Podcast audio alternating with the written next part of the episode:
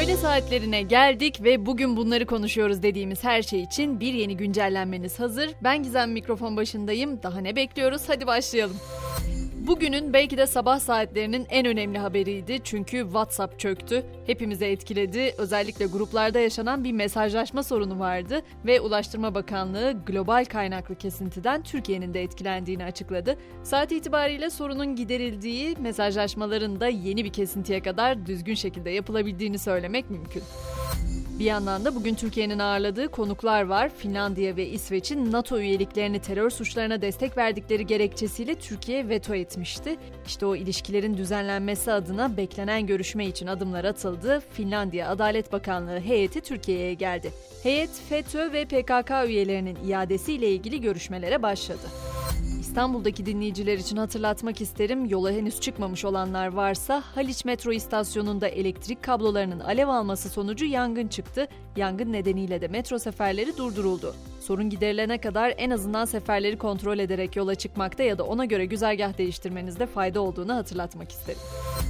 Hazır ulaşımdan bahsetmişken artan ulaşım fiyatları konusunda ise Türk Hava Yolları'ndan bir indirim haberi var. Ama bu haber ailelere özel belirteyim. Kampanya kapsamında iç hatlarda seyahat eden 3 kişi veya üzeri ailelere özel ekonomi sınıfında geçerli %20 indirim yapılacak.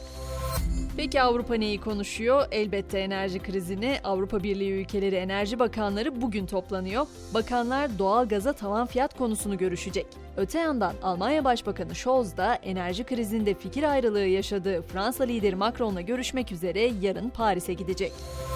Fransa demişken orada da akaryakıt tedarikini sekteye uğratan grevler vardı biliyorsunuz. O grevler iki rafineride hala devam ediyor. Maaş artışı talebiyle başlayan bu grevlerin 27 Ekim'e kadar uzatıldığı bilgisi var. İngiltere'yi ise biliyorsunuz uzun süredir başbakanıyla konuşuyoruz. Yeni başbakanı Rishi Sunak bugün Kral Charles'tan başbakanlık görevini resmen devralacak.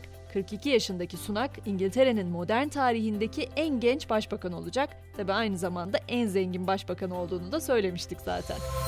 Şimdi vereceğim haberse özellikle oyun dünyasını ilgilendiriyor. Steam, Türkiye için önerilen dolar kurunu 1,8'den 10'a yükseltti. Nedir bu Steam diyenler bilmeyenler olabilir. Biraz açıklamaya çalışayım. Oyunların dijital mecralarda dağıtılmasını sağlıyor bu platform ve 39 farklı döviz kurunda hizmet sunuyor. Bu dijital dağıtım platformu da fiyatlandırma önerilerini güncelliyor ara ara ama önerdiği fiyatların tamamen tavsiye niteliğinde olduğunu da belirtmekte fayda var. Geliştiriciler oyunlarını kendi fiyatları eşliğinde satmaya devam edebilecek.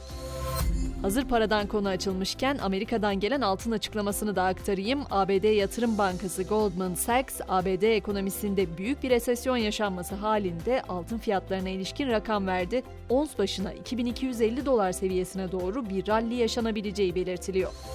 Apple da Amerika'da artan lisans maliyetlerini gerekçe göstererek Apple Müzik ve Apple TV hizmetlerine zam yaptı. Apple Müzik'in aylık fiyatı 9,99 dolardan 10,99 dolara, Apple TV için ödenen 4,99 dolarsa 6,99 dolara yükseltildi.